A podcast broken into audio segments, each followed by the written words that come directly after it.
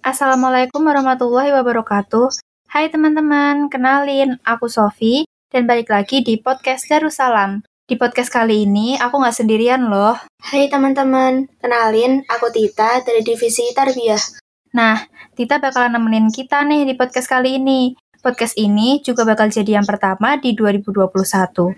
Nggak kerasa ya, sekarang udah 2021 aja, udah bikin resolusi buat tahun ini belum?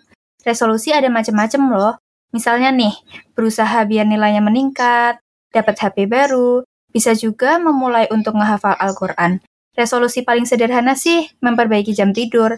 Pasti di antara kalian masih banyak kan yang jam tidurnya berantakan?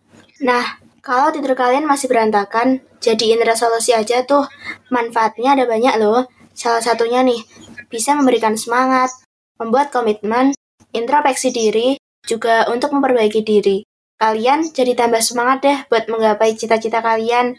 Kalian juga jadi tahu dan bisa mengukur seberapa berkembangnya diri kalian dalam satu tahun loh.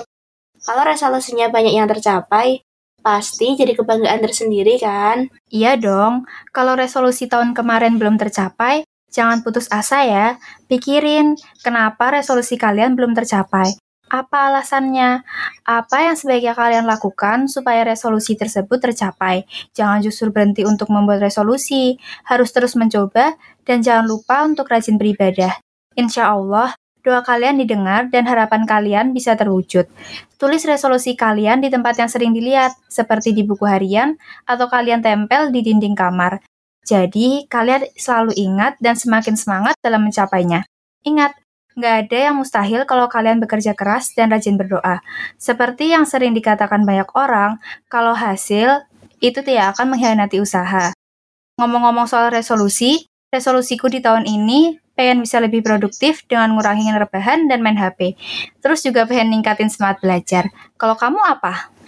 Kalau resolusiku sih, intinya pengen jadi pribadi yang lebih baik lagi buat tahun ini. Juga pengen jadi teladan yang baik buat semua orang. Kurang lebih itu sih resolusiku. Ngomongin tentang tahun baru, masih banyak nih dari teman-teman kita yang ikut merayakan tahun baru. Padahal sebenarnya dalam Islam kita nggak boleh ikut merayakan tahun baru. Nah, iya benar banget nih. Jadi buat teman-teman yang belum tahu, sebagai umat Islam, nggak boleh ikut merayain tahun baru loh. Namun, cukup membuatnya sebagai momentum tanpa merayakan ataupun mempercayai maknanya. Nah, dari momentum baru ini juga, Jangan sampai ada dosa baru juga loh. Ya walaupun kita sebagai manusia nggak bisa luput dari dosa. Akan tetapi, selama kita masih bisa berusaha untuk melaksanakan perintah dan menjauhi larangannya, insya Allah bisa menjadi salah satu ikhtiar untuk menjadi pribadi yang lebih baik lagi. Nah, apalagi karena kita di rumah aja udah hampir setahun, ibadahnya juga harus makin kenceng dong ya.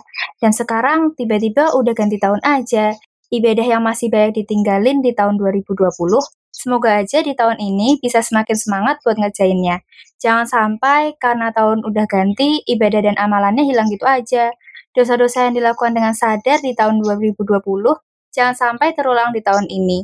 Bukan tahun baru dosa baru loh ya, tapi tahun baru dengan semangat ibadah baru. Nah, dari yang paling sederhana nih, kalau tahun lalu sholatnya masih ada yang bolong-bolong, atau sholatnya masih di air waktu, Yuk berusaha buat memperbaiki semuanya. Ibadah sunahnya juga jangan lupa dikencangin ya, biar tambah berkah. Dosa besar yang udah dianggap biasa di kalangan masyarakat juga sebisa mungkin dihindari ya. Contohnya nih, meninggalkan sholat ataupun pacaran. Sering terjadi kita merendahkan orang yang berpacaran, namun menganggap biasa orang yang meninggalkan sholat. Jadi, yang kalian lihat itu orangnya apa dosanya sih? Tetapi, bukan berarti menganggap benar berpacaran dan sikap merendahkan orang lain ya. Yuk sama-sama memperbaiki diri di tahun yang baru ini.